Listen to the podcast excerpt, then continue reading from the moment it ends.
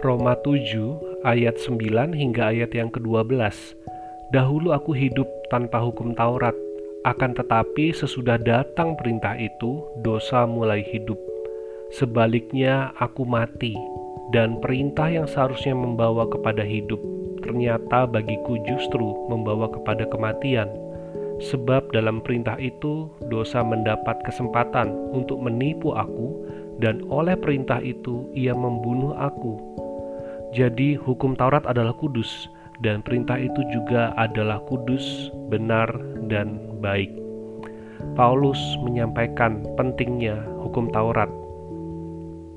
Hukum Taurat itu baik dan sempurna, tetapi dosalah yang membuat mata hati manusia keliru dalam memandang hukum Taurat ini. Paulus menjelaskan bahwa hukum Taurat itu sebenarnya ada untuk menunjukkan kepada manusia bagaimana mereka jauh dari Tuhan, bagaimana mereka membutuhkan pertolongan Tuhan, membutuhkan anugerah Tuhan. Tetapi karena hati manusia yang telah tercemar oleh dosa, Taurat yang sempurna itu justru tidak membawa manusia kepada Allah, tetapi membawa manusia kepada hidup di dalam tekanan. Bahkan Paulus mengatakan membawa pada kematian. Dalam bagian sebelumnya, Paulus menyampaikan bahwa karena hukum Taurat ia mengenal dosa. Jadi karena hati manusia yang begitu jauh dan terus memberontak kepada Allah, ketika Tuhan memberikan pedoman yang baik, Tuhan memberikan pedoman yang sempurna. Justru karena dosa, manusia salah menangkap apa yang menjadi firman Tuhan ini.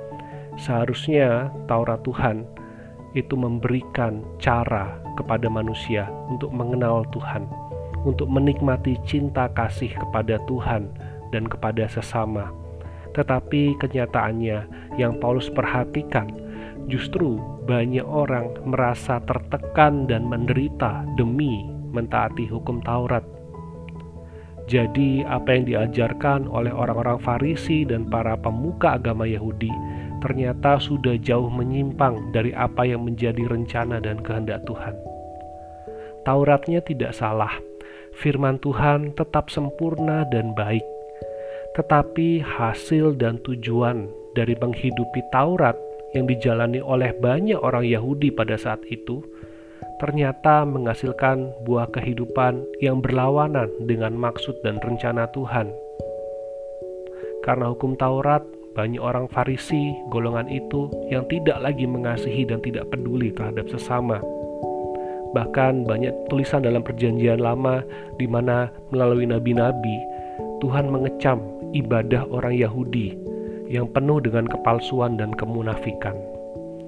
Untuk itulah Paulus menuliskan bagian ini menunjukkan bahwa Taurat Tuhan itu sempurna, Taurat Tuhan itu penting yang seharusnya membawa manusia untuk semakin hidup di dalam anugerah Tuhan. Sungguh bersyukur di dalam Yesus Kristus, Ia datang menggenapi hukum Taurat Tuhan.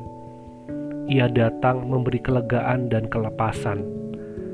Keselamatan yang benar itu datangnya hanya dari Allah, dan anugerah Allah membuat mata rohani kita terbuka, sehingga di dalam Kristus Taurat Tuhan bukan lagi menjadi beban atau kuk, tetapi sungguh menjadi pelita bagi kaki kita dan terang untuk setiap langkah kita. Mari kita yang hidup di dalam anugerah Tuhan, mari kita yang hidup di dalam iman kepada Yesus Kristus, kita ingat terus bagian ini, bahwa Taurat itu penting, Taurat itu sempurna.